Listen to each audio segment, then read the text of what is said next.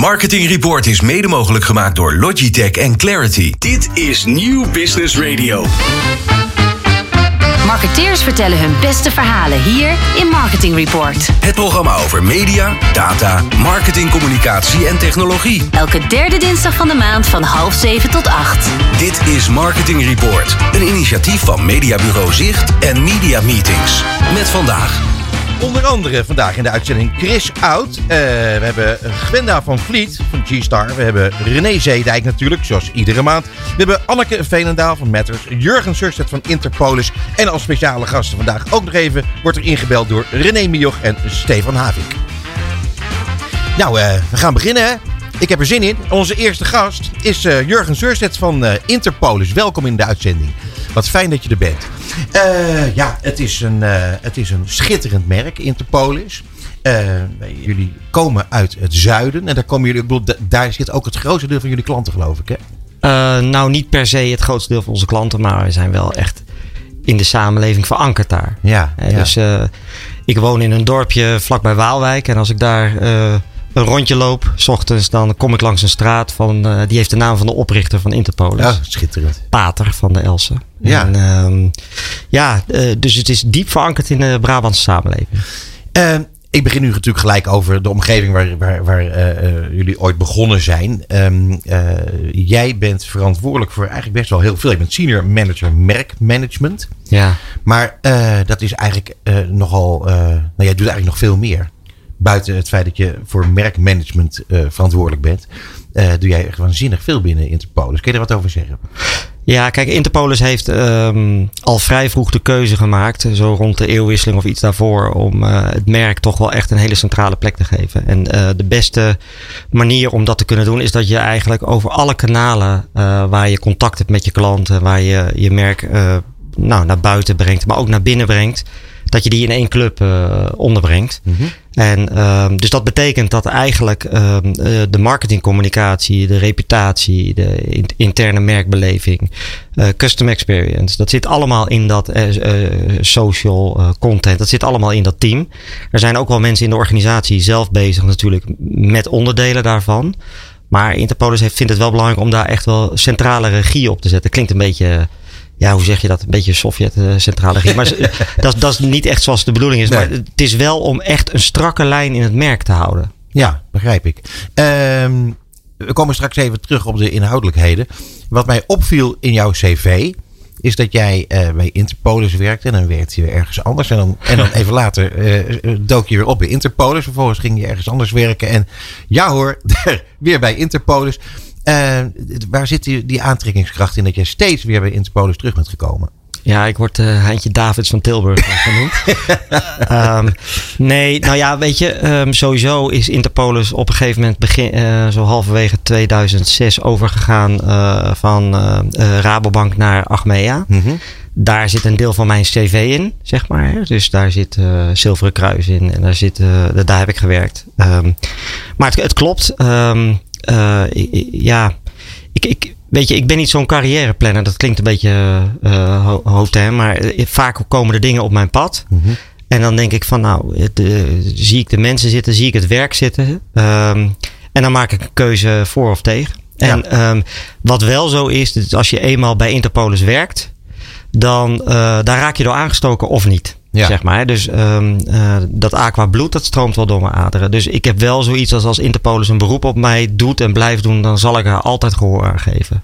Oh ja? Ja. Wat grappig. Ja. Dat is wel heel sympathiek.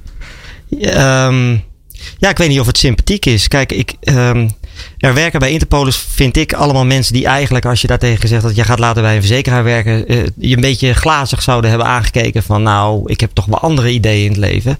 En dat maakt het echt, echt wel leuk en ook ja. wel uh, spannend. Interpolis is ook een merk dat wel durft. Um, en het is natuurlijk allemaal relatief binnen de verzekeringswereld. Um, maar ik, ik, ja, ik, ik, ik, en ik voel ook wel veel bij uh, waar Interpolis uit voortgekomen is. Het is een rijke historie, um, uh, coöperatieve historie. Bedoeld om um, in eerste instantie boeren die heel, het heel erg slecht hadden financieel en grote risico's liepen, echt te helpen. Mm -hmm. En dat zit diep in dat bedrijf. Nog steeds, uh, ja. Nog steeds, nog steeds. Wij hebben ongeveer, nou ik denk 60, 65 procent van de agrarische markt in Nederland in onze boeken staan. Ehm, en, dat is, en daar gebeurt nogal wat in die agrarische wereld. Ja.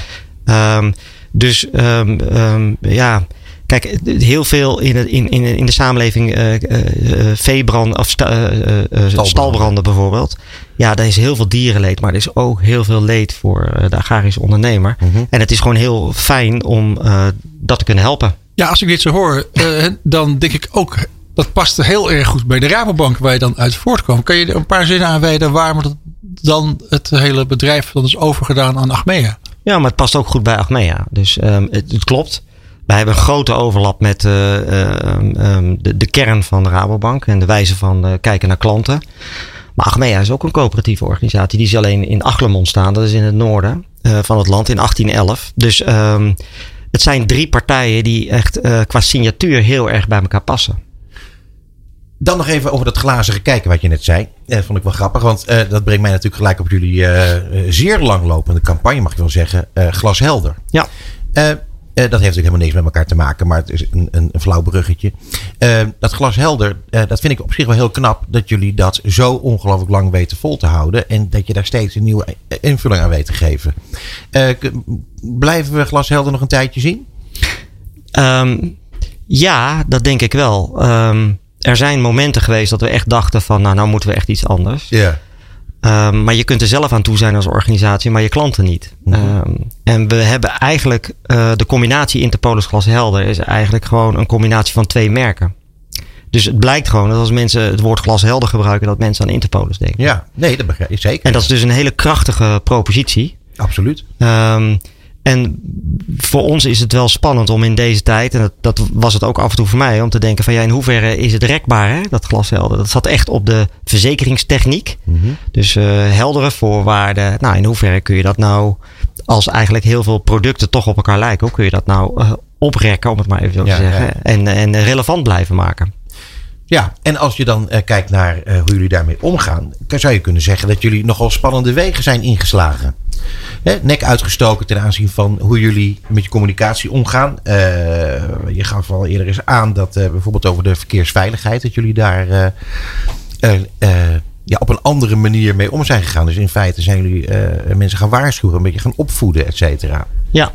Hoe, hoe, wat, voor, wat voor zaken doen jullie allemaal in, in die richting? Nou ja, wij, kijk, wij zien natuurlijk in onze, uh, in onze schadedata, om het maar even verzekeringstechnisch te zeggen, dat er uh, heel veel ongelukken gebeuren. Mm -hmm. En uh, wij helpen mensen graag uh, om schade te herstellen, maar het is nog belangrijk om het te voorkomen. Tuurlijk. Um, als je dan kijkt binnen, binnen die hele binnen de oorzaken, dan, is, dan hebben we op een gegeven moment kwamen we erachter dat afleiding in het verkeer een belangrijke veroorzaker is. En daarbinnen de mobiele telefoon. En daarbinnen jonge mannen. En daarbinnen jonge mannen in golfjes. Dus oh ja? je, je, kunt hem, je kunt hem best goed afbellen. Dus we, we zijn uiteindelijk, hebben we gedacht, we gaan ons op jonge autobestuurders richten. Om te voorkomen dat er allerlei ellende ontstaat. Ja. Uh, en dat past weer bij uh, dat wij vinden dat we iets uh, in de samenleving te doen hebben. Ja.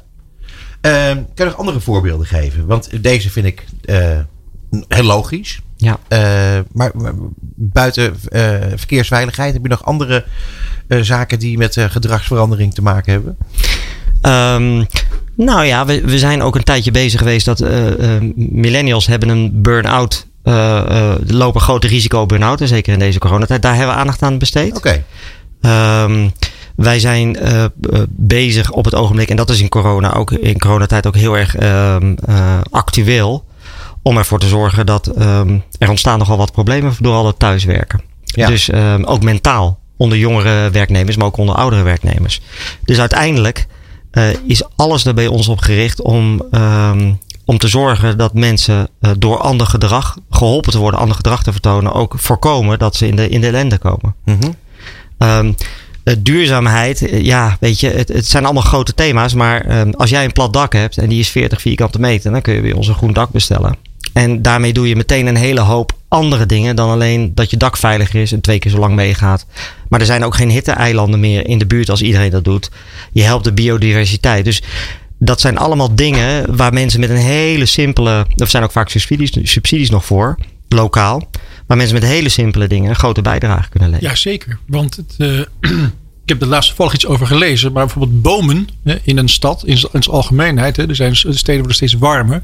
Maar sommige steden kunnen tot 5 graden afkoelen als je die vol zet met bomen. Maar dat geheel terzijde. Nou, heb even, even een groen dak is aantoonbaar 4 graden koeler onder dat dak in je huis dan dat als je het niet hebt. Ja. Dus dat klopt helemaal. Ja, maar bedoel, het is niet alleen voor die, dat huis, maar het Nee, is nee. gewoon ook voor als je op straat loopt zelfs. Hè. Het maakt het uit. Ik heb nog een andere vraag. Ik heb het eh, net even opgezocht, heel grappig, op ehm, eh, mijn mobiel. Dat kan de luisteraar natuurlijk niet zien.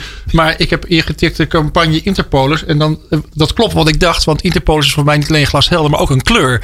En ik dacht wel aan dat blauw-groen, maar dat blijkt dus ook dat het, dat, dat zo is. Ehm, ehm, wat, wat, wat, dat is ook heel cons- consistent, daar denk je over na. Ehm, eh, wat kan je daarover vertellen? Nou ja, aqua is bewust gekozen. Wij noemen het aqua. Oh. Maakt niet uit. Blauw-groen is ook goed. Ehm, Sorry, hoor. maar, eh, Ja. Ehm, maar dat is bewust gekozen. Beeldtaal, kleur eh, is, is een essentieel onderdeel van je merk. In- Interpolis heeft ook, zeg maar, eh, is ook groot geworden in een soort iconische beeldtaal. Dus eh, drie huisjes onder elkaar. Huisje bovenaan, huisje midden met brand uit dak, huisje weer gewoon. Eh, en dat in Abri. Dat doen we nou niet meer, omdat het duur is en relatief veel weest heeft. Dus dat doen we op een andere manier. Veel online. Maar dat, dat hoort echt wel bij de opvallendheid van je merk. Ehm, ook daar hebben we het wel eens vaker over gehad van moeten we dat nog doen? Hè? Want je ziet toch wel eh, dat die kleur vrij populair is in, eh, in de marketing. Je ziet het veel op je afkomen. Maar eh, het is wel een herkenbaar onderdeel van het, van het merk. En ook bewust voor gekozen. Ja. Daar even op doorgaan. Ten slotte, overigens, want het gaat snel weer. Eh, jullie hebben creatie allemaal in huis gehaald, hè? Of tenminste zoveel mogelijk, geloof ik. Dus jullie doen, jullie doen echt heel erg veel zelf. Ja, wij hebben een tijdje geleden, dat is een paar jaar geleden alweer, echt gedacht van wat zijn nou eh, functies die we echt nu inkopen en die we in eigen huis moeten hebben. En daar, daar hoort merkstrategie onder. Maar eh, ja, ik, ehm, wij maken bijvoorbeeld ook onze eigen eh, eh, copy voor de radio commercials. En dat doen we omdat we daar creatieve kracht voor in huis hebben, maar ook omdat ehm, we zien dat het ook gewoon werkt en beter werkt. Omdat jullie een veel betere kennis hebben van je doelgroep misschien.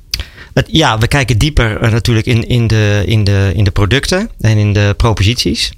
Maar, ehm, eh, en wij weten dat ook wel op een bepaalde manier te combineren met het merk, zonder dat je daar een beetje een standaard oplossing vraagt. Nou zeg ik niet dat bureaus standaard oplossingen geven, maar je merkt wel dat het echt wel het verschil kan maken. En, en we hebben daarnaast natuurlijk altijd bureaus nodig. Ja, Want ja, je hebt ook mensen nodig die vanuit de flank eens even fris eh, je merk onder eh, ja precies. overnemen. Van buiten naar binnen kijken. Ja, zeker, precies. zeker, zeker. Eh, Bas, die wil een heel, hele kleine Heel vraag stellen. Ja, ik ben enorm getriggerd vraag, door Bas. jullie campagnes waarbij jullie mensen oproepen en uitleggen dat ze veilige dingen moeten doen zodat er minder schade is. Maar als er minder schade is, hoef je minder uit te keren. Als je hoeft minder uit te keren, gaan de premies naar beneden. Hebben jullie die berekening gemaakt? Of kan je die ook aantonen dat het werkt? Ja, dat is een van de meest gestelde vragen, zoals je zult begrijpen. Of course. Ehm, het, is, ehm, het is op sommige onderwerpen goed aan te tonen dat de, de schadelast echt lager wordt. Ehm, wat je wel ziet, ja, ik wil het niet altijd technisch maken, maar als jij je buitenspiegel van je auto eraf rijdt, dan is die in deze tijd eh, drie tot vier keer zo duur dan een autospiegel die je er tien jaar geleden afreed. Dat komt door alle elektronica. Dus, we, ehm, dus eh, we willen het vooral om de premie beheersbaar te houden.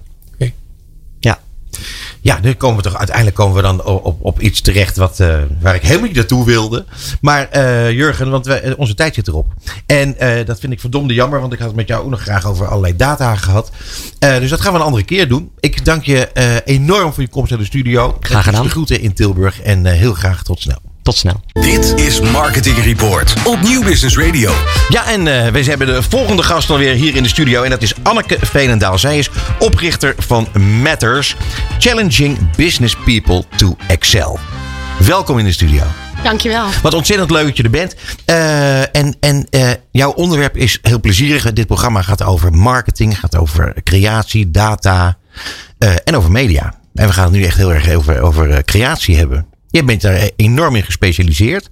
En eh, je kunt daar ontzettend veel over vertellen. Ik wil heel graag van jou eerst eens even weten. eh, jij gaf aan, om te kunnen creëren heb je creativiteit nodig. Dat is eigenlijk een heel interessante trigger. Kan je daar iets over zeggen? Ja. ja, want jij zegt je bent gespecialiseerd in creatie. Maar eigenlijk ben ik gespecialiseerd in datgene wat je nodig hebt om te kunnen creëren. Want ehm, creatie is een uitkomst in mijn beleving. En als je een bijzondere uitkomst wil creëren, dan heb je daar creativiteit voor nodig. Ja, En dat is wel mijn specialisatie. ik zei het gewoon helemaal verkeerd. Je hoeft niet zo triomfantelijk bij te kijken. ja, zeg, en eh, dan, eh, eh, hoe, hoe help jij dan bedrijven? Jij komt bij een bedrijf binnen en jij gaat mensen eigenlijk leren om, om ze, nou, dat, dat ze eigenlijk allemaal creativiteit in zich hebben, maar ze moeten het aanzetten. Ja, klopt. Hoe werkt het? Nou, ik, ik combineer eigenlijk twee dingen. Van huis uit ben ik communicatiedeskundige. Ik heb een eh, eh, opleiding in communicatiewetenschappen. Ik heb, eh, ben ooit begonnen als journalist en heb eigenlijk de hele breedte van communicatie doorlopen. En ben uiteindelijk in 2008 mijn eigen bedrijf begonnen. En heb vanaf dat moment organisaties geholpen om mensen in beweging te krijgen in veranderingen. Waarom werd ik ingehuurd? Omdat ik heel creatief ben. Omdat ik creatieve communicatieconcepten kon eh, bedenken. eh, waarmee ik mensen in beweging eh, bracht. Waarmee ik mensen uit de weerstand bracht. In de bereidheid om mee te denken, om mee te werken. Eh, dat is heel mooi. Dat zijn fantastische jaren geweest. Maar dat betekende wel dat het heel erg aan mijn creativiteit hing. En op een gegeven moment ben ik me af gaan vragen van... Goh, maar wat zou ik nou kunnen doen om dit een duurzamere eh, verandering voor de organisatie te maken. Dus toen ben ik me gaan, gaan verdiepen in creativiteit. En dat blijkt een enorm eh, werkveld te zijn... waar ze in Amerika 70, 60, 70 jaar geleden zijn begonnen met onderzoek. En... ehm, toen ben ik gewoon gaan kijken, ja, maar als dit is wat ik doe en ik wil het overbrengen, dan is het wel belangrijk om te weten wat ik doe. Om dat bewust te maken. Eh, dus ik ben gaan kijken, nou, er zijn een aantal tools. Dus je kunt een cre- creatieve toolset aan mensen geven om ze voorbij de voor de hand liggende eh, ideeën te brengen. Je kunt mensen eh, ehm, een creatieve skillset bijbrengen. Skills is eigenlijk gewoon de vaardigheden ontwikkelen. Net zo goed als dat je op school, hoe vaker je je wiskundesommen maakt, hoe beter je wordt in wiskunde. Hoe vaker je creativiteit beoefent, hoe beter je ook wordt in creativiteit. Ehm, en uiteindelijk dacht ik, creatief doen is prachtig, maar hoe fantastisch zou het zijn dat als je het nodig hebt, dat je het gewoon bent. Ja. Dus uiteindelijk ben ik geëindigd in Amerika met een masteropleiding gespecialiseerd in creative mindset. Hoe zorg je nou dat je eh, ja, de, de, de, de gevoelens hebt dat je eigenlijk gewoon dingen kunt toelaten, Ja. eh, het onbekende omarmen. Dus je, je, je hebt ervoor gezorgd dat je eh, op enig moment binnen die organisatie misbaar bent. Ja, Daar komt het toch eigenlijk op neer? daar komt het op neer. Ja. ja, ja. Slaag je daarin? Eh, ja, nou, het, het, het, eh, ik, het omturnen naar het door meer van de organisatie maken is, is, is vrij recent. Daar ben ik eh, sinds een jaar of twee mee bezig. Een moeilijke periode. en een moeilijke pe- periode. Dus ik moest ook mijn eigen creativiteit enorm Ja, op gebruiken. stellen. Ja, precies. Ja. Ehm, dus ja, slaag ik daarin? Ik denk het wel. In ieder geval de, de, de korte termijn effecten zijn dat ik zie eh, dat er meer ehm, gebeurt bij de mensen zelf. Dus wat ik doe uiteindelijk is, ik maak communicatieprogramma's eh, met teams intern. En eh, die mensen leer ik om creatief te denken. Dus ik gebruik de creatieve technieken om ze bij communicatievormen te brengen. Dus omdat ik het met het team doe, krijg ik hele authentieke communicatie Ja. van de mensen zelf. Omdat ik creativiteit toevoeg, wordt het echt hele gave, bijzondere communicatie. Ja. Eh, en dus daar ben ik succesvol in. Is het nu strakjes zo dat als ik de deur uitloop, dat ze me niet meer nodig hebben? Ja, dat moet op termijn blij- blijken. Maar ik zie wel, als ik nu organisatie waar ik voor gewerkt heb, zie ik wel vaker dat ze. ehm, nou ja, als ik dan de sociale media een beetje in de gaten hou, zie ik dat ze wel dingen aan het doen zijn, Ja. terwijl ik er niet Het meer is, ben. het is natuurlijk heel, eh, heel dankbaar. Want die mensen die worden daar waarschijnlijk heel blij van. Zeker. Ja, Ik heb Bas. een vraag over creativiteit. Ik zat me af te vragen: kan het zijn dat iemand heel erg creatief is en ook heel, zelfs heel productief is en wat diegene maakt allemaal bagger is waar je niks aan hebt? Eh, nee, want creativiteit is het eh, eh, dingen maken die en nieuw, nieuw zijn, maar ook nuttig zijn. Dus wanneer het aan een van die twee criteria niet voldoet, is het dus niet creatief. Aha, begrijp het. Dus, dus ja, oké, duidelijk. Ja, zeg, en eh, nu heb je methodieken heb jij ontwikkeld. Ja. En dat is natuurlijk heel handig, want dan heb je gewoon een stappenplan volgens welke je kunt werken. En me- mensen kunnen dan ook begrijpen wat er gebeurt. Ja. Ehm, eh, je hebt eigenlijk eh, een, een loodsprogramma. Vond ik wel een interessant verhaal overigens. Want eh, je loodst ook mensen door dat proces heen.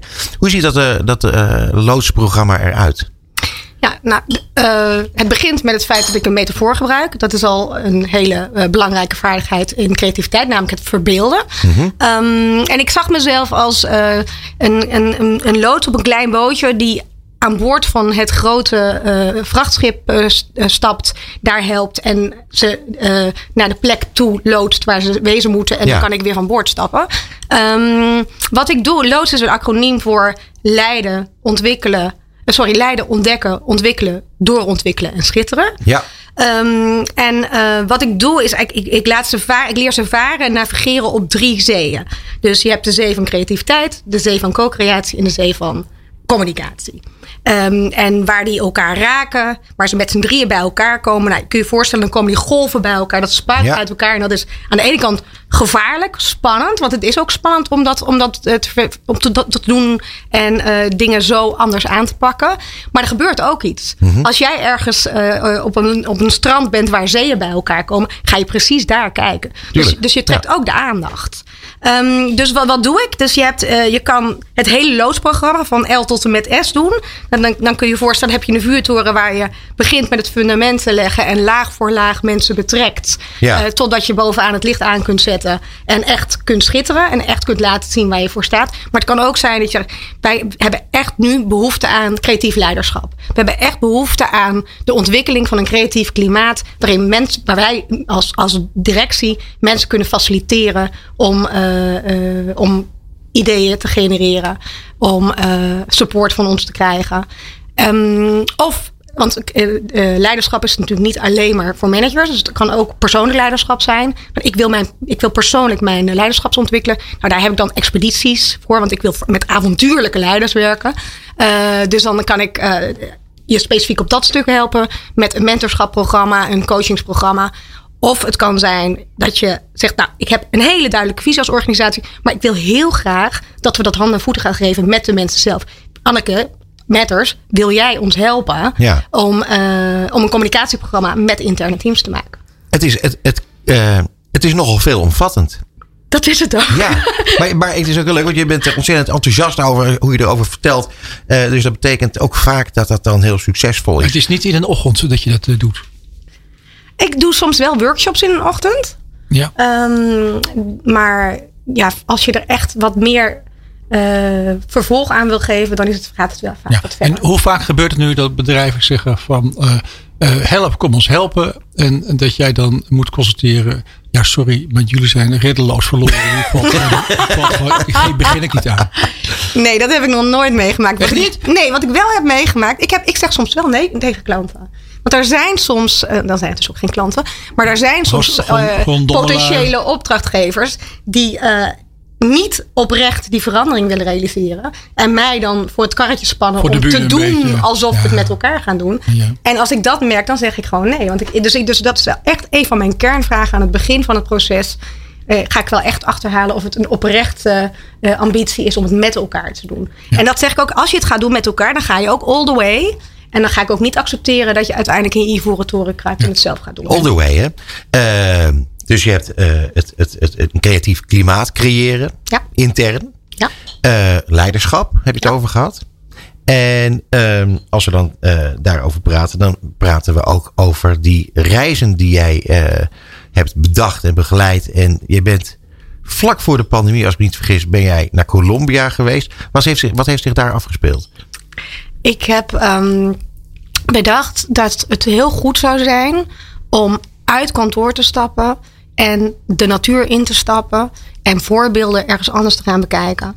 Dus ik ben gaan kijken, ook heel praktisch. Ik ken mensen in uh, Colombia. Dus ik wilde, ik had drie pijlers. Ik wil uh, kennis bij de bron halen. Dus ik wilde in contact komen met een universiteit die zich bezighoudt met innovatie, creativiteit en wat kunnen we daarvan leren. Ik wilde elegant stealing. Dus ik wilde naar innovatieve organisaties en kijken met organisaties vanuit hier. Wat doen zij nou? Wat doen zij nou anders? En daar kwam een heel mooi cadeautje.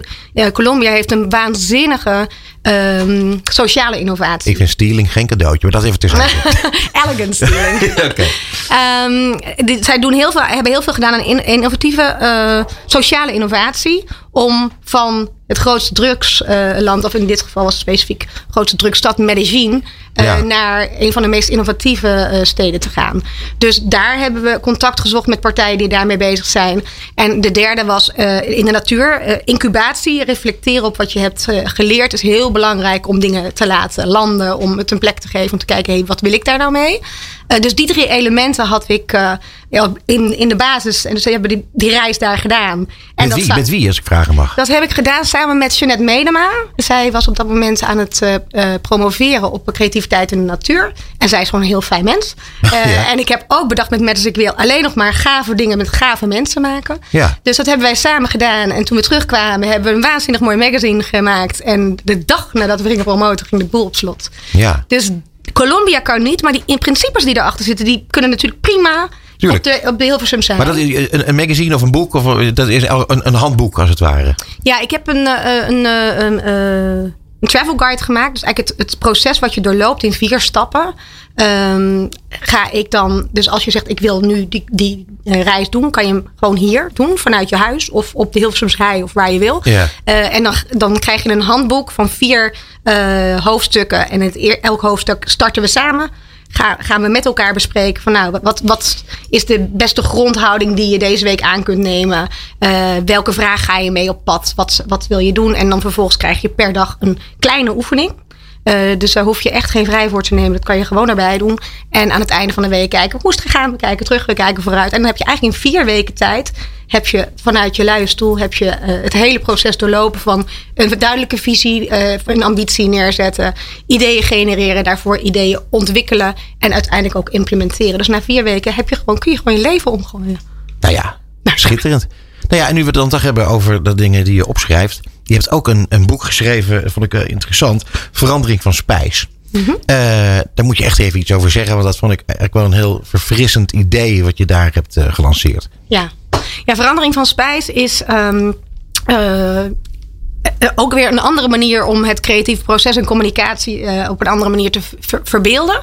Eh, ik heb het creatief proces heb ik in een eh, aantal gangen gezet. Dus ik heb een, een vier gangen menu gemaakt. En eh, binnen die gangen heb ik gekeken. Eigenlijk wat mij frustreerde aan communicatie in organisaties is dat wordt vaak vanuit één smaak gecommuniceerd. We doen net alsof iedereen hetzelfde nodig heeft. Terwijl in feite kan het zijn dat mensen nog niet klaar zijn voor die in de weerstand zitten. Er zijn mensen die zijn al veel te ver voorbij gehold. Dus toen ben ik gaan kijken naar de analogie van smaken in de natuur. En eh, als je kijkt naar de natuur als een, als een vrucht zuur is, is het gewoon nog niet rijp. Nou, als je die analogie dan vertaalt naar communicatie. Als je nog niet rijp bent, wat heb je dan voor communicatie nodig? Heb je hele andere communicatie nodig wanneer, dan wanneer je eh, eh, bitter bent en eh, ontgift moet worden? Of wanneer je een snufje zout nodig hebt om een team bij elkaar te brengen, om het beste uit al die smaken te halen. Dus ik heb eigenlijk de analogie van die verschillende smaken heb ik bekeken en ik heb in elke gang communicatierecepten gezet. Dus eigenlijk gewoon communicatiemiddelen gezet. Die je heel makkelijk zelf kunt doen. om mensen die ofwel zuur, bitter, eh, zout, eh, umami en zoet Ja. zijn in beweging te brengen. Ja, ik wilde het er inderdaad hier tenslotte even over hebben. Omdat dit eigenlijk heel erg past bij jouw hele verhaal. eh, waar we het in het begin over hadden. Die creativiteit eh, stimuleren bij mensen. eh, en, en nieuwe dingen verzinnen. Nieuwe combinaties te maken. Ik vond het ontzettend leuk om met je te praten. Eh, enorm veel dank voor je komst naar de studio, Anneke. En nou ja, het, ik zou tegen iedereen willen zeggen van... neem contact op met Matters. Want het doet ertoe. Dankjewel. Dankjewel. Zicht op media met René Zeedijk. Ja, hij is er weer hoor. René, welkom. Ja, dankjewel Peter en Bas. Leuk dat we er weer zijn. Nou, zeg dat wel. Hè? Altijd een fijn eh, moment. En eh, ik heb denk ik eh, twee hele mooie onderwerpen vandaag, Peter. Allereerst gaan we straks even bellen met Stefan Havik. Hij is directeur, digital director development bij DPG. Want zij verklaren de oorlog aan Google, heb ik begrepen. wat een stoer verhaal. Dat is een stoer verhaal. Gaan we zo meteen mee bellen. Hij zit volgens mij in Antwerpen, als ik me niet vergis. Maar eerst vind ik het ook wel leuk om even het, het andere onderwerp te, te bespreken. De bioscoopmarkt. Want ook dat is er wel eventjes goed om te vertellen dat het een, weer gelukkig een stuk beter gaat met de bioscoopmarkt. Ja. Uiteraard in die COVID-tijd. Een van de laatste kanalen die toch echt veel last van hadden. Want ja, je moest natuurlijk die anderhalve meter aanhouden. Ja. Hè, eh, die zijn natuurlijk hartstikke blij dat vanaf zaterdag dat dat voorbij is. Hè. Dan kun je allemaal weer lekker naast elkaar gaan zitten. Gewoon weer eh, met z'n allen kijken naar de van- meest fantastische films. Eh natuurlijk moet je wel even die COVID-app meenemen. Maar eh, dat lijkt me verder geen probleem. Dan ga je lekker eh, genieten van de bioscoop. Ik heb vanochtend even... James Bond. Ja, James Bond eh, klopt. En dat is ook wel mede de reden dat oktober de beste maand ooit wordt van Jean Mineur, de, de verkoopafdeling. De verkoopmaatschappij wel, ja. die de bioscoopfilms. eh, Marlene Wikkel vertelde dat mij eh, vanochtend. Zij is directeur daar. En ze zegt van ja, op dit moment zitten we dus eh, ja, hartstikke goed. 70% bezettingsgraad ongeveer van Pathé en, of van de bioscoop. En binnenkort dus weer naar volledige bezetting hopelijk. En dus die fantastische omzet. Dus ja, dat is hartstikke leuk om, om te horen. Maar nou is het heel leuk natuurlijk om even over de bioscoop nog stil te staan. Want er gaat iets nieuws gebeuren. Ja, inderdaad. het programma Films en Sterren. nou, dat kent u allemaal van René Mioch. eh, die gaat namelijk zelf naar de bioscoop in. Om daar in een soort twee uur durend programma veel meer te gaan vertellen over zijn persoonlijke ervaring. Wat hij allemaal heeft meegemaakt met leuke anekdotes en zo. Dus ik heb een wat- verrassing voor je. Ja, Ja, ik dat- heb een verrassing ja. voor je. Want namelijk, we hebben René Mioch aan de telefoon. Precies. René, Hey, goedenavond. wat leuk dat je er even bent in onze uitzending, René. Ja, Eh, heel leuk. Hey, films en sterren breng jij eh, niet alleen naar het theater, maar ook naar eh, de Pathé Filmtheaters. Ja, we gaan eh, op 2 oktober begint het eh, in Amsterdam, in Tuschinski. 2 en 3 oktober sta ik daar. En daarna gaat het het land in, eh, zo'n 35, 40 keer tot eind april. Een combinatie van in, in de gewone theaters, maar in deze eerste ronde vooral in de, in de Pathé-bioscoop. Ja, fantastisch. En ja, dat is, dat is een, een, een avond, eh, zeg maar, eh, zeg maar in, het, in het slot van een, van een bioscoopfilm. eh, met het publiek samen, als door, alsof we door een fotoboek en filmboek wandelen van datgene wat ik in de afgelopen 35 jaar heb meegemaakt. Eh, een beetje eh, soms over thema's. Wat is nou glamour? En, hoe ziet dat er nou uit op rode lopers en bij festivals? Maar ook eh, hoeveel druk is het eigenlijk voor iemand om heel erg beroemd te zijn? En ik heb daar in de afgelopen jaren met heel veel acteurs en filmmakers over gesproken. Dus dat zijn. ik denk dat je een aantal mensen op een andere manier leert kennen. En dat het ook vaak materiaal is wat nog nooit uitgezonden is. En, en er wordt ook veel gelachen, want er is natuurlijk ook best wel veel geks gebeurd in dat. Nou ja, dat, dat laatste, daar verheug ik me ook enorm op. Want ik eh, eh, weet dat jij ongelooflijk mooie verhalen hebt eh, eh, eh, meegemaakt allemaal. Er zitten vaak enorm geestige dingen tussen. Eh, is het zo dat, dat eh, eh, elke show, zeg maar, een, een, eenzelfde show is? Of, of, of wat ga je daar precies mee doen? Ga je, ga je steeds ook dingen eraan toevoegen? Of hoe werkt het? Ja, ja, ja, de actualiteit wordt zeker iedere keer aan de film van de week zit er sowieso in. Oké. Eh, de, de actualiteit wordt eraan toegevoegd. Nog wel een leuk dingetje voor het publiek ook. Ik weet eigenlijk niet of ik dat al mag zeggen. Maar als je bij mij in de zaal zit en ik ben zeg maar klaar voordat de laatste avondvoorstelling eh, eh, nog eh, moet komen. Dan eh, kijk ik even hoeveel mensen daar in de zaal zitten. En dan kun je met een mooie deal nog even daar een film gaan zien. Nou, dat Cool. is mijn, Ja, ja, we hebben het over ondernemen. Hè? Nee, zo is dat. is, eh, Nou ja, Ja, wat dat betreft dat zit je ook hier in het goede programma. Want dit is natuurlijk een programma over marketing. Eh, en wij praten over, eh, over heel veel van dat soort zaken. Zeker eh, is dit wat jij nu aan het doen bent natuurlijk zo crossmediaal als maar kan. Je hebt het altijd op tv, tv gezeten. Je hebt op de radio ben je te horen geweest. Eh, dan ga je nu met een, eigenlijk met een soort tv-programma... ga jij eh, de, de, de theaters zien en de bioscoop. Dat is dat tamelijk uniek volgens ja, mij, of ja, niet? Het is, het- je, je kunt het ook zien als een soort van live documentaire of zo, weet je. Dus het is inderdaad heel erg crossmediaal. Het is, het is eh, eh, ja, ja, en, en, het, en het, het, zeg maar de, op de manier waarop ik nu rechtstreeks eh, interactie kan hebben met het publiek. En nog even om die vraag af te maken die je stelde van, is iedere voorstelling hetzelfde? Nee, want het publiek krijgt ook heel erg de ruimte om dingen te vragen of Oh, om te zeggen. Leuk. En ik werk uiteindelijk toe naar een, naar een programma waar ik zeg maar het zo levend kan houden dat ik bij wijze van spreken dus bijna alsof ik met een jukebox bezig ben. En dan eh, op basis van eh, de namen eh, of nou, het publiek die, die, die zij graag iets willen horen zeggen of iets willen horen dat ik daar iets over vertel, dat dat gewoon op ieder moment kan. Maar dat is ietsjes later in het, in, in het seizoen denk ik. Fantastisch. Tof hoor. Ehm, dan nog even eh, eh, kaarten kopen. Hoe, eh, hoe werkt dat? Gaat dat via de bioscoop? Ja, dat gaat wel bij, als je naar mijn eh, website gaat, renemioch.nl slash theater. Dan zie je daar, kom je gelijk bij eh, twee keuzemogelijkheden. Dus of dat je naar de Pathé-bioscoop gaat of naar eh, het theater in het land waar, waar de, de, de avonden plaats gaan vinden. Het is ontzettend leuk. Hebben jullie nog een vraag, jongens? Ja, Bas heeft nog een vraag aan je. Ja, René, nu je er toch bent. eh, De actualiteit. De nieuwe Paul Verhoeven, is dat wat? Nou, dat is een hele intrigerende film. Ik bedoel, is dat wat? Dat is, je, je praat over een, een, ik ga niet zeggen een meesterwerk, maar het is een hele controversiële film. Waar je, eh, als je erin zit, denk ik wel een paar keer denkt van, oh, zo hé, nou, dat moet ik wel even verwerken. En waar als je eruit komt ook niet direct iedereen zegt van, nou, die vond ik goed, maar een paar dagen later denk je toch, dit was toch wel een hele bijzondere film. Ik vind het een beetje een soort van samenvatting van alle films die hij gemaakt heeft. En, en eigenlijk televisieseries. Want het heeft iets van Floris, van de vierde man, van Flesh and Blood, van, van eh, zelfs Basic Instinct. Want het gaat natuurlijk ook weer over ontrouw en, en lesbische nonnen. En, en weet je, al die elementen zitten. Ja, ik, ik maak het maar even smeuig. Ja. Eh, ehm, dus ik, de, al die elementen die zitten erin. Eh, het, is, zijn vorige film was L. Dat is een iets toegankelijkere film. Ik vind dat je hier wel iets harder moet werken om, om, om het zeg maar eh, twee uur lang eh, heel erg eh, leuk te vinden. Maar het is ontzettend echt goed gedaan en interessant. Eh, ik zou het graag willen houden bij dat we het ontzettend leuk gaan vinden. Dat jij straks in de theaters te zien, te horen bent, René. En ik zeg dan nog één keer eh, allemaal naar renémioch.nl slash theater gaan om kaarten te kopen. Ik wens je ontzettend veel succes met deze tournee, René. Dankjewel. En kom, kom kijken. Ja, ik kom Leuk. zeker. Ik Ja, kom ik zeker. Zeker. Oké. Ja hoor. Hoi. Hoi. Maar dan mogen we gezellig naast elkaar gaan zitten, jongens. in de Ja, zaal. ja, Eh, inderdaad. Tuurlijk. ja. Dat ja. we wel een keer... eh, Gaan we, ja, in Haarlem gaan wij met z'n drieën. Zullen we dat goed. doen? Dat is Gezellig. Goed. Dat is goed. Ehm, ja, en nu gaan we bellen. Eh, hij is er zo meteen als het goed is. eh, Stefan Havik, eh, ik net al even aankondigde. DPG nu volop in het nieuws. Eh, eigenlijk vorig jaar al begonnen ze al dat ze aangeven... Joh, we gaan een eigen advertentiesysteem bouwen. eh, Trusted Web versus het open web van Google en Facebook. En daar hebben ze eigenlijk alle banden met deze grote partijen eh, afgeslagen. En eh, eh, dus dat is eigenlijk wel een, eh, een, een hele belangrijke eh, gebeurtenis. Nou, nu in, de, in het nieuws eh, twee zaken eigenlijk die we gaan bespreken. Zeggen we hebben seamless advertising. We gaan steeds meer afscheid nemen van de standaard IAB-formaat. En we gaan toe naar content en advertentie synchroniseren. En volledig met elkaar afstemmen gaan we het over hebben. En natuurlijk dat ze afscheid nemen van, van Google. En eigenlijk gewoon ook een rechtszaak gaan beginnen. Omdat ze vinden dat Google het nieuws niet zo gratis tot zich mag nemen. Dus Nee. is, als het goed is, Stefan Havik.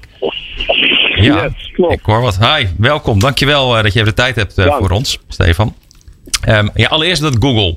Jullie hebben eigenlijk de juristen klaargezet om, eh, om ze aan te pakken, heb ik gelezen. Kun je er wat meer over vertellen? Ja, eh, dat, dat ga ik wel meteen iets nuanceren, René. Oké. Ehm, ik denk dat dat, ehm, dat dat op die manier misschien is geïnterpreteerd, omdat Mhm. wij goed nadenken over wat onze vervolgstap nu is. Mhm. Als het gaat om het Google Nieuws initiatief. Ja. Eh, ook wel Google Showcase genoemd. Ja. En eigenlijk wat, wat daarachter zit, is dat ehm, wij natuurlijk de strategie hebben met onze platforms om onze lezers aan ons te binden. Mhm. En dat doen we graag op ons eigen platform.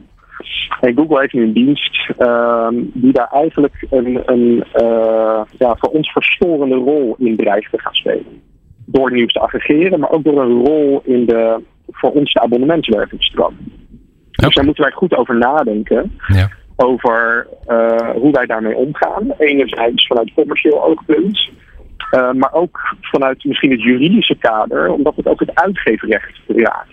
Juist. Dus het Nou onderdeel begre- van deze discussie is Ja. afstand doen van het uitgeverrecht. En dat moeten wij gewoon heel goed onderzoeken.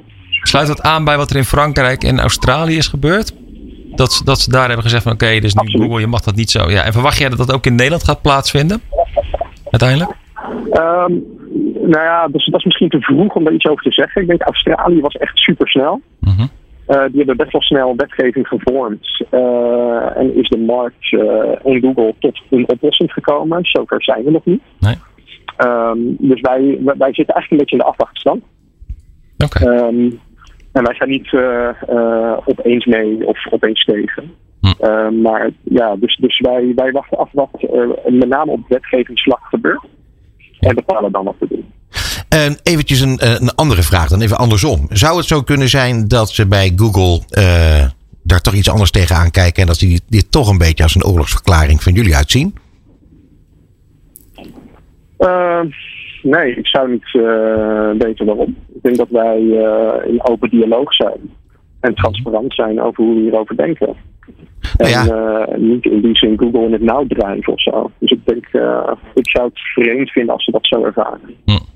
Ja, nou ja, goed, omdat dat ze nu natuurlijk eh, zoveel content eh, naar zich toe trekken en daar wordt niks voor betaald. eh, over het algemeen. Dus dat, ik zou me kunnen voorstellen dat ze dat toch wel een beetje jammer vinden.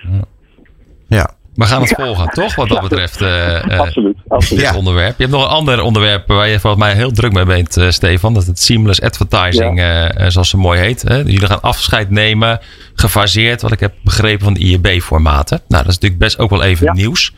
Kun je daar wat meer over vertellen? Wat moet ik dadelijk als, als gebruiker van het AD of nu verwachten dan?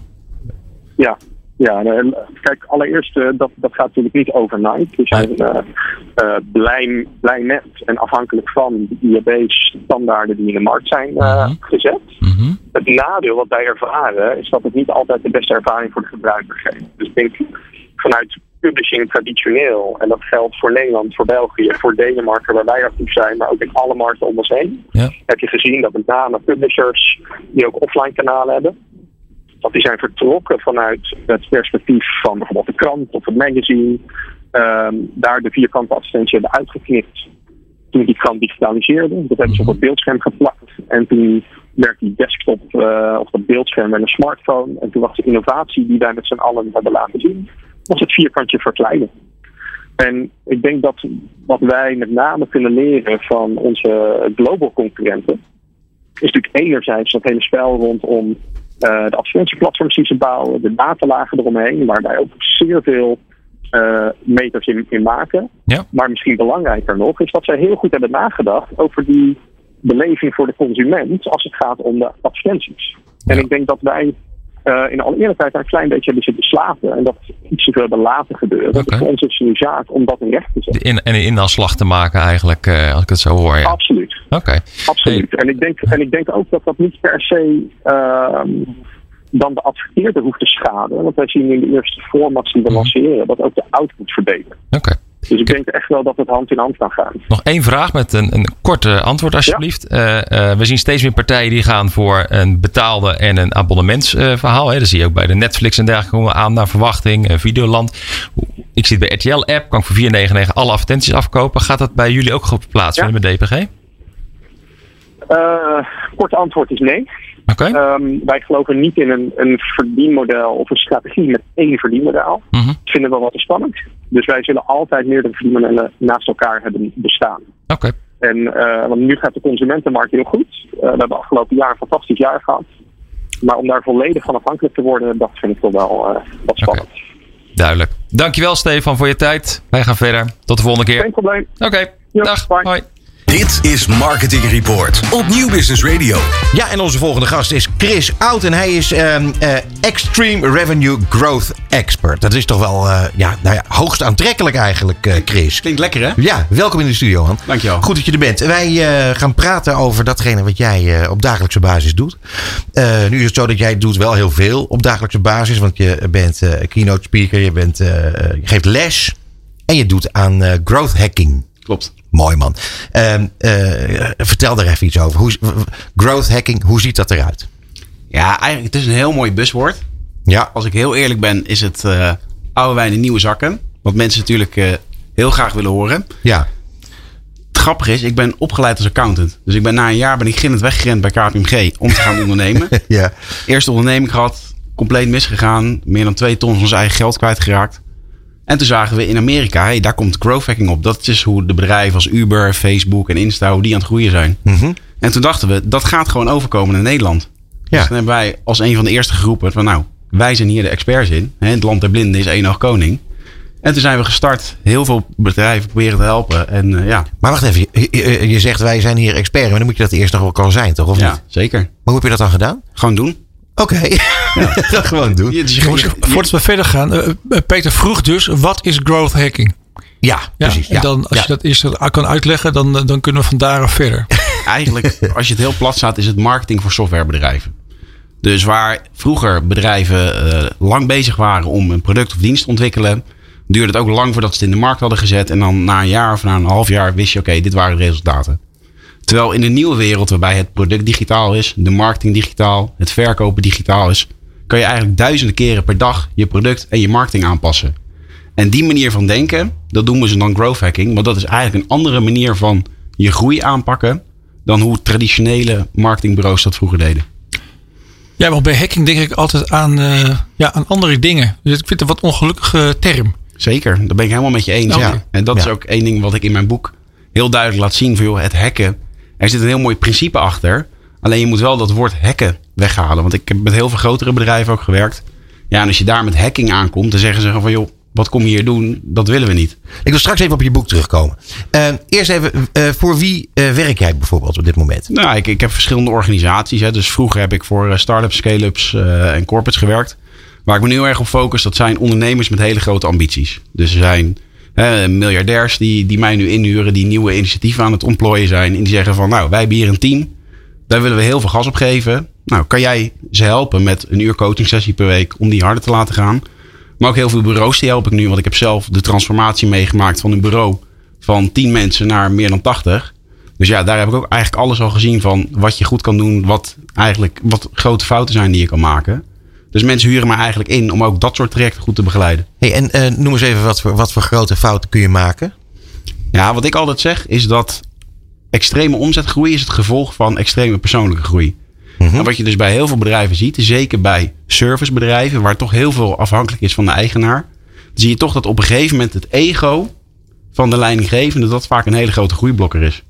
Dus als je ziet waar lopen bedrijven vast, hè, bijvoorbeeld bij delegeren of mensen in staat stellen om dingen te doen, ja, dat gebeurt dan vaak niet op zo'n manier dat die teams hard door kunnen schalen. En waar zit hem dat in? Dat, eh, dat die eh, leidinggevende eigenlijk de, de, de- het obstakel is voor groei? Nou, dat is omdat je, hè, als je als ondernemer begint, Ja. het, het ligt allemaal bij jou. Jij moet beginnen met verkopen, je moet het product leveren. Maar op een gegeven moment gaat jouw succes zijn in niet dat je het zelf doet, maar dat je anderen in staat stelt om het te gaan doen. ja. Dus je wordt eerst manager, dan word je leider. Ja, dat is toch een, een, weer opnieuw jezelf uitvinden. En als jouw identiteit is bijvoorbeeld, ik ben de allerbeste verkoper. Ja, er zal een punt komen dat jouw bedrijf harder gaat groeien als jij niet meer de beste verkoper bent, maar als anderen dat beter kunnen. Ja, eens. En dat is, en dat is iets wat jij in kaart brengt eh, ten einde eh, die groei, de gewenste groei door te, door te gaan maken. Ja, dus eigenlijk wat mijn filosofie is, is dat in elk bedrijf ligt een verborgen goudmijn van groei. Mhm. Alleen je moet wel weten waar die ligt Ja. en hoe je het eruit kan halen. Eh, jij eh, doet dit al een tijdje. En het is zo dat ik heb begrepen dat jij eigenlijk al vrij vlot in de gaten hebt waar dat eh, goudmijntje ligt binnen een bedrijf. Hoe, hoe kan dat? Nou, dat is Is omdat, dat gut feeling? Of hoe, hoe werkt dat? ja, het is omdat je heel vaak hetzelfde patroon hebt gezien. En daar geloof ik heel erg in. Het patroon herkennen van hoe dingen gaan. Mhm. Ja, je ziet heel vaak aan het type manager, het type leider of het type product dat ze hebben. Of in de markt waar ze zitten. Een, heel mooi voorbeeld is dat de, money is in de follow-up. Dat is een heel bekend gezegde. En de Amerikanen zijn er heel goed in. Ik was laatst bij een grote bank aan het werken. En die hadden een fantastisch data science team. Waar aan de voorkant allemaal moeilijke dingen aan doen.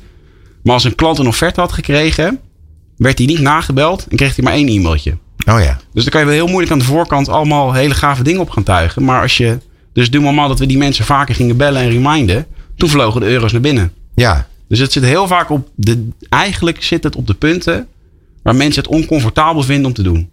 Ja, Dus, dat- na, dus dat nabellen, dat, dat soort Ja, zaken. mijn businesspartner, eh, dat is niet Peter, maar een andere, die heeft me een keer een, eh, een grafiekje gestuurd van na het hoeveelste contact de deal wordt gesloten. En er zijn dus eh, na- bij het twintigste contact is er nog steeds een flink percentage, eh, 3, 2, 3 procent, wat dan pas gesloten wordt. Gewoon blijven bellen, jongens. Ik zeg het heel vaak in mijn colleges. Ik zou een heel boek kunnen schrijven. Met alleen maar plaatjes van e-mails. waarbij mensen zeggen: Thank you for the follow-up. Want zeker hoe drukker mensen zijn. Hè, je eerste, je tweede, je derde berichtje. ze zien het niet. Nee. En in, nee. in Nederland vinden we dat altijd heel eng. Dus je moet het altijd wel uitleggen. Je moet wel met waarde opvolgen. Laten zien dat mensen er wat aan hebben. Maar als je dat, heel, als je dat goed doet. Ja, ik heb heel vaak nu ook met mijn boek, met mijn testimonials. Er zijn mensen die heb ik zeven, acht reminders gestuurd. Maar die zijn juist heel blij dat ik dat gedaan heb. Ja, grappig. Ja, Ik- het is, een, het is een, eh, een interessant voorbeeld. Omdat namelijk mijn eh, collega Bas hier aan de overkant. Die, eh, die schaamt zich daar helemaal niet voor om mensen honderd keer te bellen. En ik denk, joh, is dat niet wat irritant? Maar dus eigenlijk zeg jij van, die Bas doet dat toch beter dan, dan ik. Ja, dat Hoe wel vaak mensen wel niet tegen mij zeggen: Thank you for chasing me. Ja, ja. Echt waar? Nee, geen geintje. Nee, zeker niet. Maar, Mensen er dol op. maar ik vind het toch grappig. Het, belangrijkste, het belangrijkste principe is: hebben mensen er wat aan als ze met jouw zaken doen? Precies. Nou, ja, dat is als de jij hun- bottom Als line. jij hun leven beter weet te maken, ja, dan zijn ze dus heel blij dat je dat gedaan hebt. Ehm, de psychologie van data. Vertel daar eens wat over. Dat vind ik wel interessant. Je, je- eh, data heb je aangegeven. Eh, maakt een ongelooflijk belangrijk deel uit van datgene wat jij doet. Het, het lezen van die data, het, het vertalen van data. Maar de psychologie van data, vertel daar eens wat over. Nou, wat ik dus heel vaak hoor is hè, mensen, hè, dat gaat over, bijvoorbeeld over AB-testen, dus heel veel verschillende testen via je website doen. Dan zeggen ze van ja, maar we hebben helemaal niet genoeg verkeer om dat te doen. Terwijl ik geloof heel erg, je kan testen op twee verschillende manieren doen. Dat is op de kwantitatieve manier, dus je gaat echt naar je data kijken, hè, de eentjes en de nulletjes. Maar wat ik heel leuk vind, is het hele kwalitatieve dataspel. Dus als je een verhaal vertelt, hè, hoe reageert iemand erop? Als ik colleges geef, in elk college is 30% anders. Altijd. Omdat ik elke keer aan het kijken ben, hoe reageren mensen erop? En dan proberen te begrijpen, waarom is dat zo? Waarom triggert dat? En dan, hè, en op die manier naar te kijken, kan je mensen echt op een andere manier gaan triggeren. En kan je echt een laag dieper in die hersenen gaan, waardoor je steeds beter gaat begrijpen waarom kopen mensen? Waarom doen ze de acties die ze doen? Want dat vind ik het fascinerende aan groei. Je wil iemand iets laten doen hè, wat goed voor hun is. Maar Ja. je moet wel juist op het juiste moment goed weten te raken.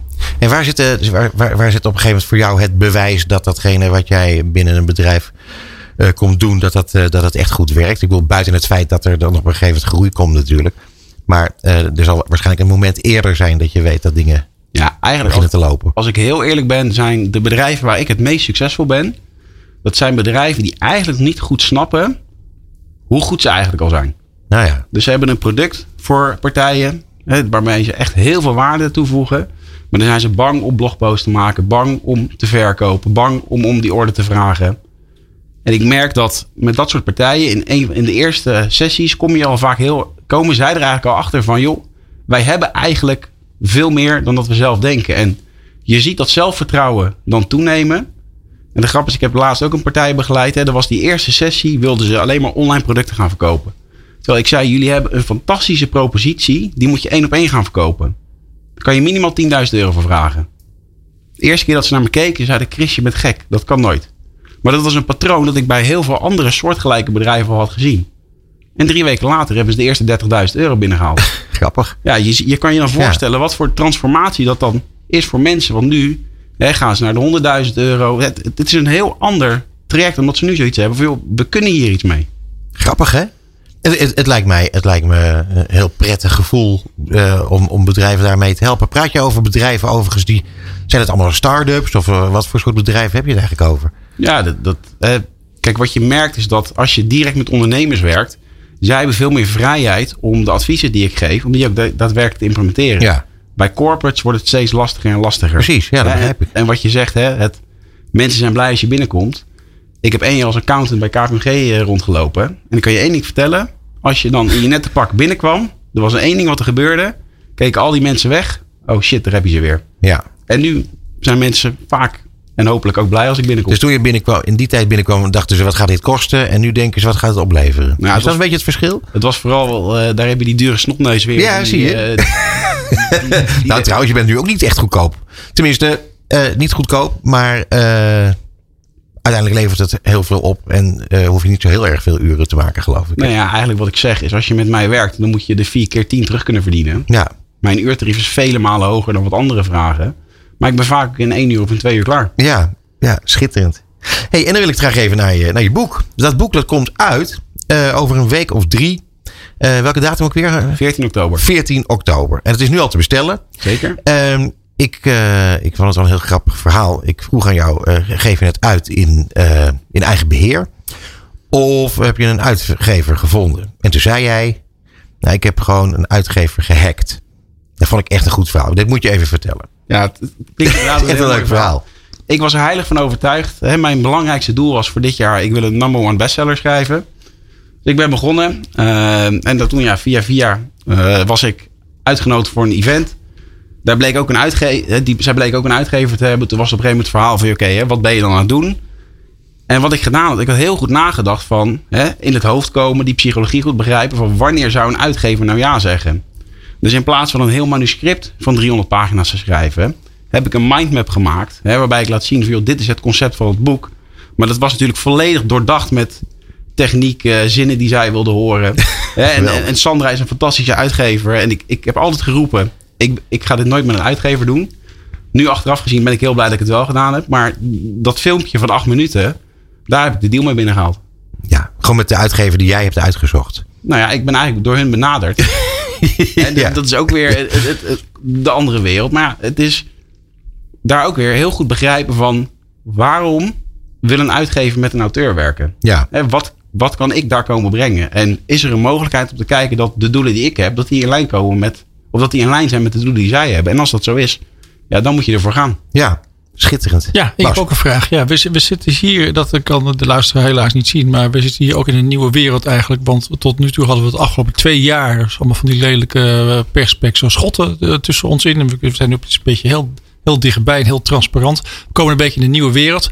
Ehm, hoe, hoe, wat zie jij voor het komende jaar eh, voor Nederlandse bedrijven gebeuren? Hoe gaan zij spetteren? Hoe gaan zij bijvoorbeeld de extreme revenue growth realiseren in algemene zin? Een tip of twee? Nou ja, wat er eigenlijk gebeurd is, hè, in, in, chaos lies opportunity, hè, zoals ze zo mooi zeggen in Amerika. Er is heel veel chaos geweest. Dus er zijn nog heel veel dynamieken en contexten. Daar, hebben, daar zijn bedrijven nog niet op ingesprongen. Dus ik denk dat als er een tijd is om de kansen die voor je neus liggen te pakken, dat die daadwerkelijk nu zijn. En waar ik heel erg in geloof is de combinatie van digitaal en menselijk. Dus wat ik zeg, softwarebedrijven moeten eigenlijk betere consultants worden. En consultants die moeten beter snappen hoe ze ook dingen die ze hebben kunnen digitaliseren. Want daarmee kan je Trojaanse paardproducten creëren. En dat is ook iets wat ik heel erg beschrijf, wat ik fascinerend vind. Hoe kan je nou een product of dienst verkopen, dat als mensen dat als eerste eten, dat dat het Trojaanse paard is, waardoor ze naar veel meer van je willen kopen. En ik denk dat er daarvoor heel veel kansen liggen nu. En dat is hetgeen wat wij ook in jouw eh, nieuwe boek kunnen verwachten. Zeker. En vertel nog even iets meer over, over eh, hoe het gaat werken in jouw boek. We kopen je boek. En wat, gaan we dan, wat treffen we dan aan? Dan eh, vind jij een eh, lijstje met eh, de vijf redenen om dit boek te kopen. Dan staat een hele mooie link naar een survey. Ja. Want ik heb ook gezegd, ik wil geen boek hebben wat mensen van A tot Z moeten lezen en dan pas er wat mee kunnen. Dus het eerste waar we mee beginnen is kijken welk hoofdstuk moet je als eerste lezen, zodat jij meer omzet kan genereren. Dus ik wil juist niet dat ze het hele boek lezen. Ik wil dat ze het hoofdstuk pakken, wat op dat moment, gegeven hun context, de grootste kans op impact heeft. Wat grappig joh. Ja, ik heb er even, even in gelezen. Ik heb het boek in mijn handen genomen. Het is echt heel erg grappig. Het is een dummy. Dus het is nu, op de, wat ik nu in mijn handen heb, is helemaal leeg. Ja, maar eh, dat is over drie weken is dat helemaal vol. En dan, Schitterend. en dan is er maar één hoofdstuk, maar- of meerdere natuurlijk, die je kunt eh, gebruiken. Ja, zeker. Kijk, ik heb, hè, wat ik ook heb geprobeerd te doen in het boek is heel veel persoonlijke verhalen. Dus ook laten zien van, joh, waarom, kom je, waarom ben ik nou gekomen waar ik nu ben? Hè? Waarom werken bepaalde dingen wel en waarom werken bepaalde dingen niet? Niet de coole verhalen van Dropbox en Facebook, want dat kunnen we zelf allemaal niet toepassen. Maar ik heb juist de essentie terug proberen te halen van wat is nou de kern waarom bepaalde dingen werken. En daar een zo actiegericht model op, op gemaakt. Dat als mensen daarmee aan de gang gaan, dat ze zo snel mogelijk ook die euro's zien. Want dat is uiteindelijk het belangrijkste. Je koopt dit boek omdat je ook daadwerkelijk die impact wil hebben. Ja, heb ik, nog, ik heb nog één vraag zelf, tot slotte. Ehm, en eh, dat is in eh, komende april 2022 hebben wij het eh, Cross Media Congres. En daar hebben we allemaal schitterende keynote speakers. En omdat het onbeleefd is om jou uit te nodigen in de uitzending, vertel ik alleen dat ik jou straks ga vragen hoe je erover denkt om daar misschien wellicht een presentatie te geven. Maar geef vooral geen antwoord nu. Oké, dan eh, eh, eh, heel erg tenslotte vond ik heel mooi dat jij zei van wat ik eh, eh, propageer is eigenlijk eh, logisch nadenken en eh, functioneel lui zijn. Dat is dus uiteindelijk als we jouw boek hebben gelezen of een deel eruit, dan is dat wat we, wat we echt kunnen gaan doen. Zeg nog even snel hoe je boek heet en waar we het kunnen bestellen. Het heet Structuring for Extreme Revenue Growth. Ja. Is nu op managementboek.nl te bestellen. Hartstikke goed. Chris Oud, enorm bedankt voor je komst in de studio. Ik vond het een heerlijk gesprek en we spreken elkaar snel weer. Graag gedaan, dank jullie wel. Dit is Marketing Report op Nieuw Business Radio. Ja, en dan gaan we nu praten met niemand minder dan Gwenda van Vliet. Zij is CMO van G-Star. En wat is het ontzettend leuk om jou hier in de studio te mogen verwelkomen. Ja, vind ik ook. Ja, en dat heeft alles te maken met het feit dat wij jou een week geleden eh, mochten ontvangen tijdens het eh, Cross Media Congres. En eh, dat was nogal een eclatant succes. Gelukkig hadden we ook deze datum al vastgelegd. En gaan we lekker verder waar, eh, waar we toen zijn begonnen. Ja, Ben je superleuk. het daarmee eens? Zeker. Goed dat je er bent. Ehm, ja, het, het was een indrukwekkend verhaal. eh, vooral omdat het nogal aanstekelijk was. En dat gold echt voor iedereen in de zaal. Eh, hoe jij eh, jouw verhaal vertelde over eh, G-Star, het merk waar jij voor werkt. Wereldwijd ben je verantwoordelijk voor, voor dat merk. En, en wat ik zei, heel erg aanstekelijk. Waar komt dat enorme enthousiasme vandaan? Nou, ik denk dat dat enthousiasme een beetje in me zit. Maar Sowieso al. daarnaast, ja. Ja, dat, ja, dat geloof ik ook wel. Maar daarnaast is G-Star gewoon een fantastisch merk, inderdaad. We zijn een Nederlands merk, wat heel veel mensen misschien ook niet weten. We zijn global, daarnaast in heel veel regio's. En eh, de manier waarop wij dat merk bestieren allemaal met elkaar, daar, ja, daar zit heel veel drijf en heel veel unieke zielen zitten daarachter die op een speciale manier denken. Ehm, dus ja, daar word, ik, eh, daar word ik heel blij van. Ja, eh, hoeveel mensen werken daar bij jullie? Dat verschilt een beetje. Tot op het moment zitten er 200 man op kantoor. Maar we hebben natuurlijk ook regionale kantoren in Japan, in Zuid-Afrika, in Australië. Ja, dus we doen het met een hele grote groep mensen globally eigenlijk. Ja. Zeg, en eh, dan zit jij daar eh, hier in Amsterdam. Daar in Amsterdam moet ik zeggen. We nu in Hilversum. Eh, eh, en dan, dan, dan hebben jullie allemaal schitterende producten. Eh, en die, die worden allemaal bedacht in Amsterdam, denk ja, ik. Ja, ons designteam zit in Amsterdam inderdaad. En dan, en dan moet dat naar, naar Japan of weet ik waar dat allemaal naartoe moet. Is het dan zo dat, eh, dat eh, iedereen hetzelfde krijgt voorgeschoteld? Of, of eh, heb je andere producten in Japan dan in, nee, in de USA? pas- we passen de merchandising een beetje aan inderdaad. Dus er is één global collectie, maar je weet wel dat op een gegeven moment is het ergens zomer en is het ergens winter.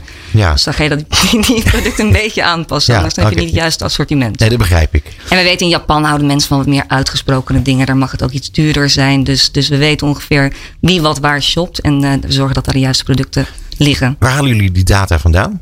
Eh, we, we meten heel veel. We zien natuurlijk wat er de vorige seizoenen gekocht is. We, we ehm, onderzoeken heel veel met de consument. Dat doen we op productgebied, maar ook op marketinggebied. Dus we proberen echt die consument, en dat is een beetje een buswoord, maar centraler te zetten in de organisatie. Ja. En te zorgen dat we het juiste moment, de juiste dingen voorschotelen.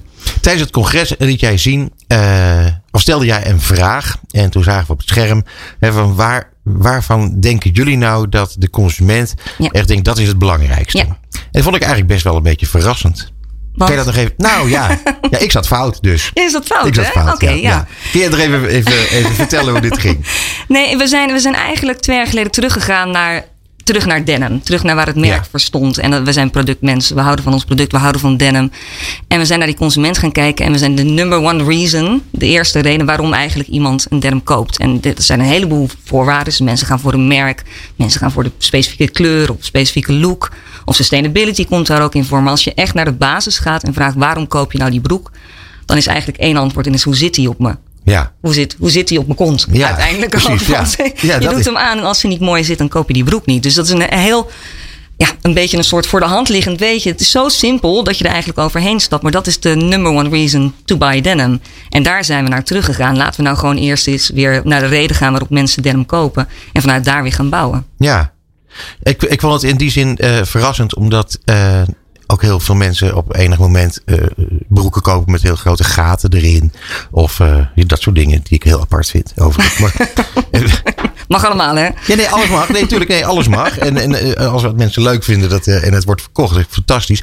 Nee, maar ik bedoel, dat heeft met fit niet zoveel te maken. Nee, nee, er zijn natuurlijk, alles is onderhevig aan trends. Dus Ja. we, hebben, we hadden het over skinny's gehad, we hebben het over wijdere broeken gehad, Ja. we hebben het over Ja. verschillende fits gehad. Dus alles is onderhevig aan trends en het momentum en, en bepaalde, bepaalde dingen die mensen graag willen zien.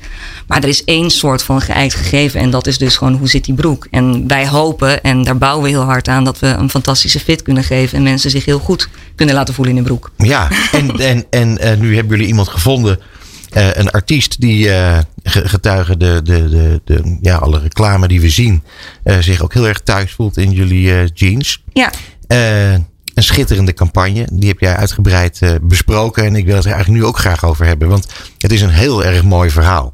Ja, ik mag ik voorstellen eh, dat we ook eens luisteren naar de campagne. Bijvoorbeeld eerst even. Gewoon als, voordat, Oh we, dat, voordat we dat vergeten. nou, God, erin. wat leuk. Hebben we die? Ja, die hebben we. Oh, leuk. G-Star, hardcore denim girl, make it bounce hard. Nothing better than the fit of your G-Star. Say it with your booty. G-Star raw, hardcore denim. bedankt voor deze gratis... eh, Goed. Ja, het is, maar ik moet je zeggen, ik vind het ook echt serieus heel, heel tof gedaan dit. Hij zegt het gewoon, hè? Ja. Nothing better than the fit of your G-star. Ja. Ja, ja.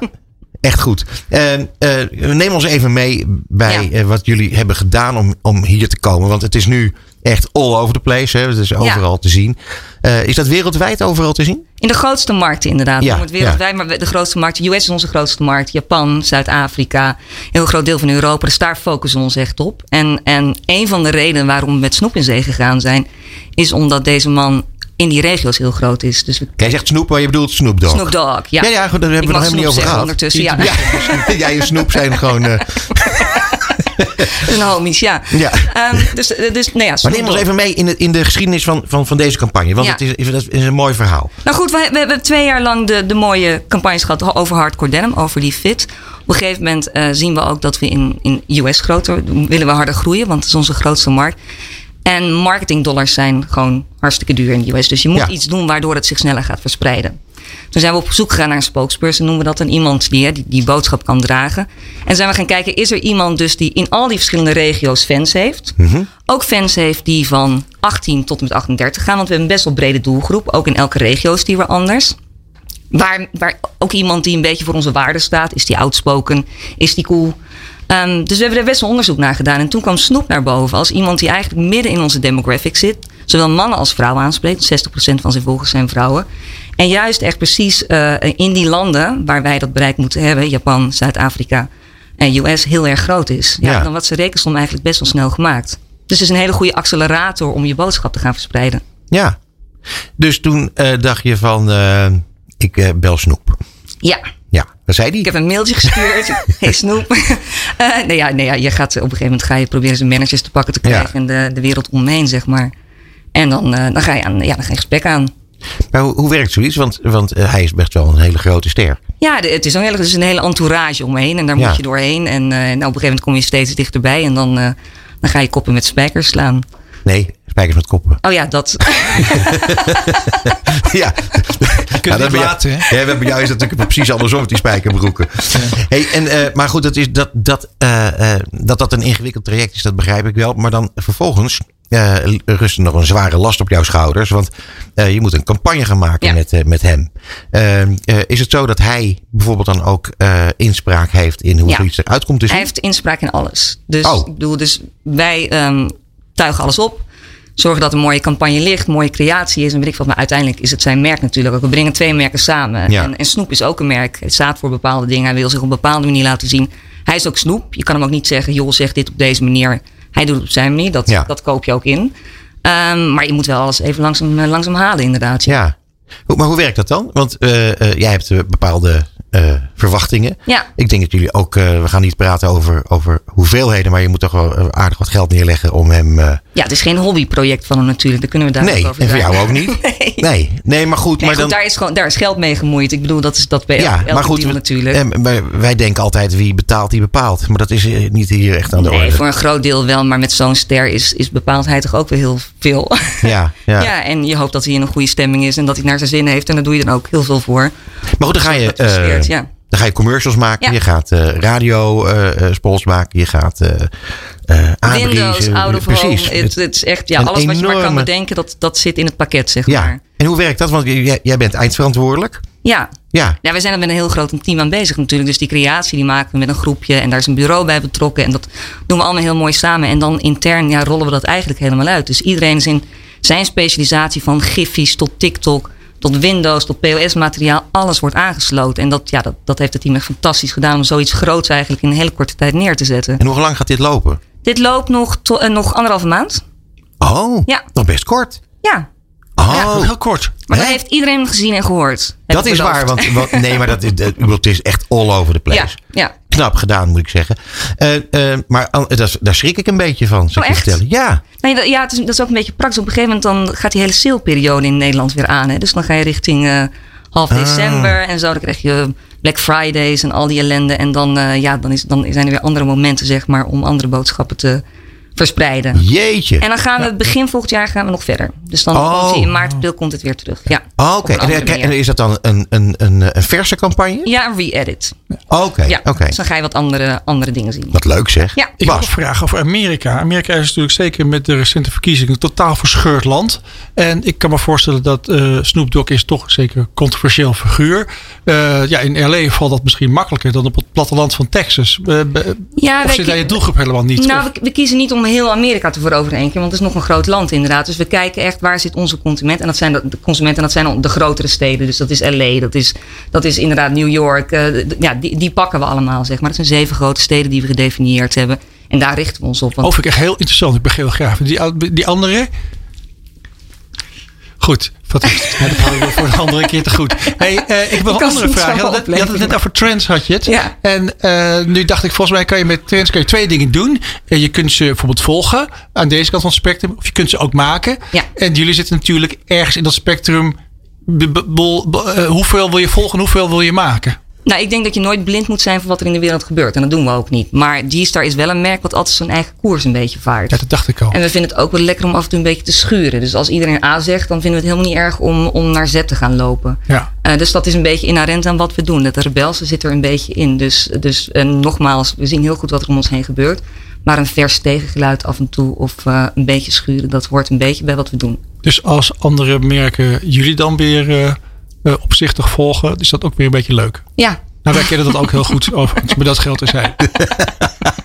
Je bent altijd zo bescheiden, Bas. nee, en de mensen hebben altijd meningen. Dat mag ook. En hoe meer erover gesproken wordt, uiteindelijk hoe beter het natuurlijk is. Dus ja, dat, dat vind ik niet zo heel erg. Fantastisch. Eh, mag ik wel vragen... eh, eh, ik even vragen niet naar geld. Dat vinden we helemaal niet interessant. Hoor, ja. Nee, maar, ik, maar wat ik. Nee, dat hoef ik helemaal niet te weten. Nee, maar wat ik wel interessant vind. Van hoeveel spijkerbroeken verkopen jullie nou. Even zo'n beetje op jaarbasis? Of is dat ook geheim? Nee, dat is niet geheim. Maar je weet ik helemaal niet uit mijn hoofd, eerlijk Nee? gezegd. Nee. Maar, maar eh, over hoe, eh, welke grootheden praten we? Het zijn miljoenen broeken. Ja, dat is Ja. toch fantastisch? Ja, dus die afzetmarkt die is heel, heel groot. In Ja, hey, en waar worden die allemaal gemaakt? Een groot deel in China. Oh ja? Ja. Oké. Maar er worden ook dingen in Italië gemaakt. Het ligt een beetje aan welk onderdeel van de collectie je het over hebt, zeg maar. Dus grote massa's producties zijn allemaal in het Ver Oosten. Maar daarna hebben we ook wat meer, we noemen dat exclusives. Dat zijn wat exclusievere dingen. Ja, er wordt ook dingen in, in, eh, in eh, Italië gemaakt bijvoorbeeld, ja. Ja, cool. En eh, dan nog eh tenslotte. Eh, hoe lang blijf jij... Nou, Bas die wil ook nog wat vragen. Maar ik, Ah, ik stel nu deze vraag even. Ehm, eh, hoe lang blijf jij nog eh, bij G-Star werken, denk je? Zolang ik het leuk vind. En ik vind het hartstikke leuk. Ja, dat Dus, blijkt wel. Ja. Nee, ik, vind het, het is Ik heb ontzettend een plek gevonden. Dus ja, dan, eh, ik, ik denk dat er nog heel veel te halen is en heel veel te doen is. en hele leuke dingen. Ja. Nou ja, in elk geval wil ik je feliciteren met, met wat je nu hebt gedaan. En Bas komt nu nog met een fantastische uitsmijter. Ja, nee, want die, die, die die in China worden gemaakt, komen dan in de containers hier naartoe. Ja? Ja, en de containers die kosten dit jaar zeven keer zo duur als vorig jaar. Nee, zoveel. Zeven keer zoveel. Niet zo, zo duur. Please, Ja, please, sorry. Na de uitzending, dank je. dus, eh, goed. Eh, d- dus dat kan me voorstellen dat, het- dat Ita- voor Italië is dat fijn misschien. Want die worden opeens eh, veel aantrekkelijker als productieland. Ik snap dat je als marketing die de hele tijd over Ja, gaat. ik weet even niet waar ik naartoe ga, maar ik doe Ja. mijn best. Ja. Nee, maar gewoon, nee, nou ja, om, dat, dat, dat soort dingen eh, vers- verschuiven allemaal natuurlijk. Ik bedoel, je, je, je produceert niet voor niks in China. Dat is natuurlijk op een gegeven moment goedkoop. Maar ja, Ja. dat nu vanwege die kolossale productiekosten wordt het toch heel duur opeens. Ja, ik denk dat, het, dat dat verschuift inderdaad. Maar dat zeg ik gewoon omdat ik het zeg, maar dat weet ik Maar daar gaat natuurlijk de CMO helemaal niet over. Nee, dat zei ik al. Nee, ik vind het hele interessante vraag. Maar, Ja, zullen we eh, verder gaan? maar dan ga ik nog heel even terug naar de felicitaties. Ik vind het een buitengewoon schitterende campagne. En eh, eh, wij verheugen ons alvast weer op de volgende. Dankjewel, dankjewel. Dankjewel, Gwenda, dat je hier bent gekomen. Merci.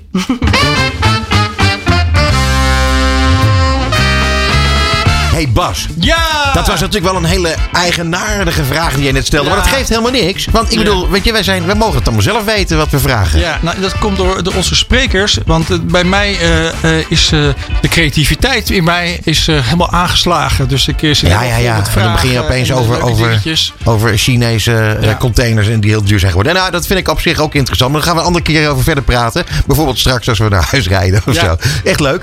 Nee, maar goed Bas, het was weer een verrukkelijke uitzending. Ik vond het een hele verrukkelijke uitzending. En dat komt vooral vanwege de, de torenhoge kwaliteit van onze gasten, Peter. Nou, inderdaad, zo is het precies. Nou ja, en dan eh, natuurlijk ook eh, over de techniek die hier eh, zo fantastisch wordt geregeld door Ron Lemmens altijd. Ron, dankjewel. We hadden Ron nog helemaal niet genoemd. Nee, maar nu wel toch? Jazeker. Ja, kijk, we hadden een, een verrukkelijke uitzending en dat had inderdaad alles te maken met onze gasten.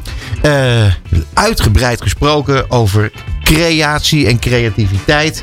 We hebben eh, eh, gesproken over growth hacking. Het is toch allemaal werkelijk niet te geloven, joh. Ja. Je, komt, je komt dingen tegen waar ik eigenlijk niet heel, erg- heel erg weinig Ik vond het wel schokkend dat het eh, boek van Chris Oud helemaal leeg was. Ik niet, want ik wist dat het een dummy was. En ik hoopte eigenlijk dat jij een hele mooie foto van hem zou maken met dat boek. Vandaar dat ik het had gevraagd. Ja. Maar goed, Bas. eh, hebben we nog iets wat, wat we willen bespreken? Of wat we, oh ja, weet je wat ik nog even graag zou willen zeggen? Nou. Dat mensen nog wel eh, bijvoorbeeld eh, mensen kunnen aandragen voor de Media 100. Ja! Ja, zou we toch bijna vergeten. vrijdag. Dat Precies. is dus niet zaterdag, maar tot en met aanstaande vrijdag. vrijdag. Dan houdt het op. Want Ja. wij gaan heel snel weer het eh, onderzoek uitsturen. Eh, eerste week oktober al. En in die tussentijd moeten we natuurlijk die nominatielijsten maken. Ja, zo is het precies. Zeg, we lopen tegen 8 uur aan. Dus eh, ik zou zeggen, mensen, luister de volgende keer weer. Voor nu in elk geval bedankt voor het luisteren. En tot de volgende. Tot zover Marketing Report op New Business Radio. Alle gesprekken zijn terug te luisteren via podcastkanalen als Spotify, Duke of Apple Podcasts. Komende maand zijn we er weer op de derde dinsdag van de maand tussen half zeven en acht uur. Tot dan.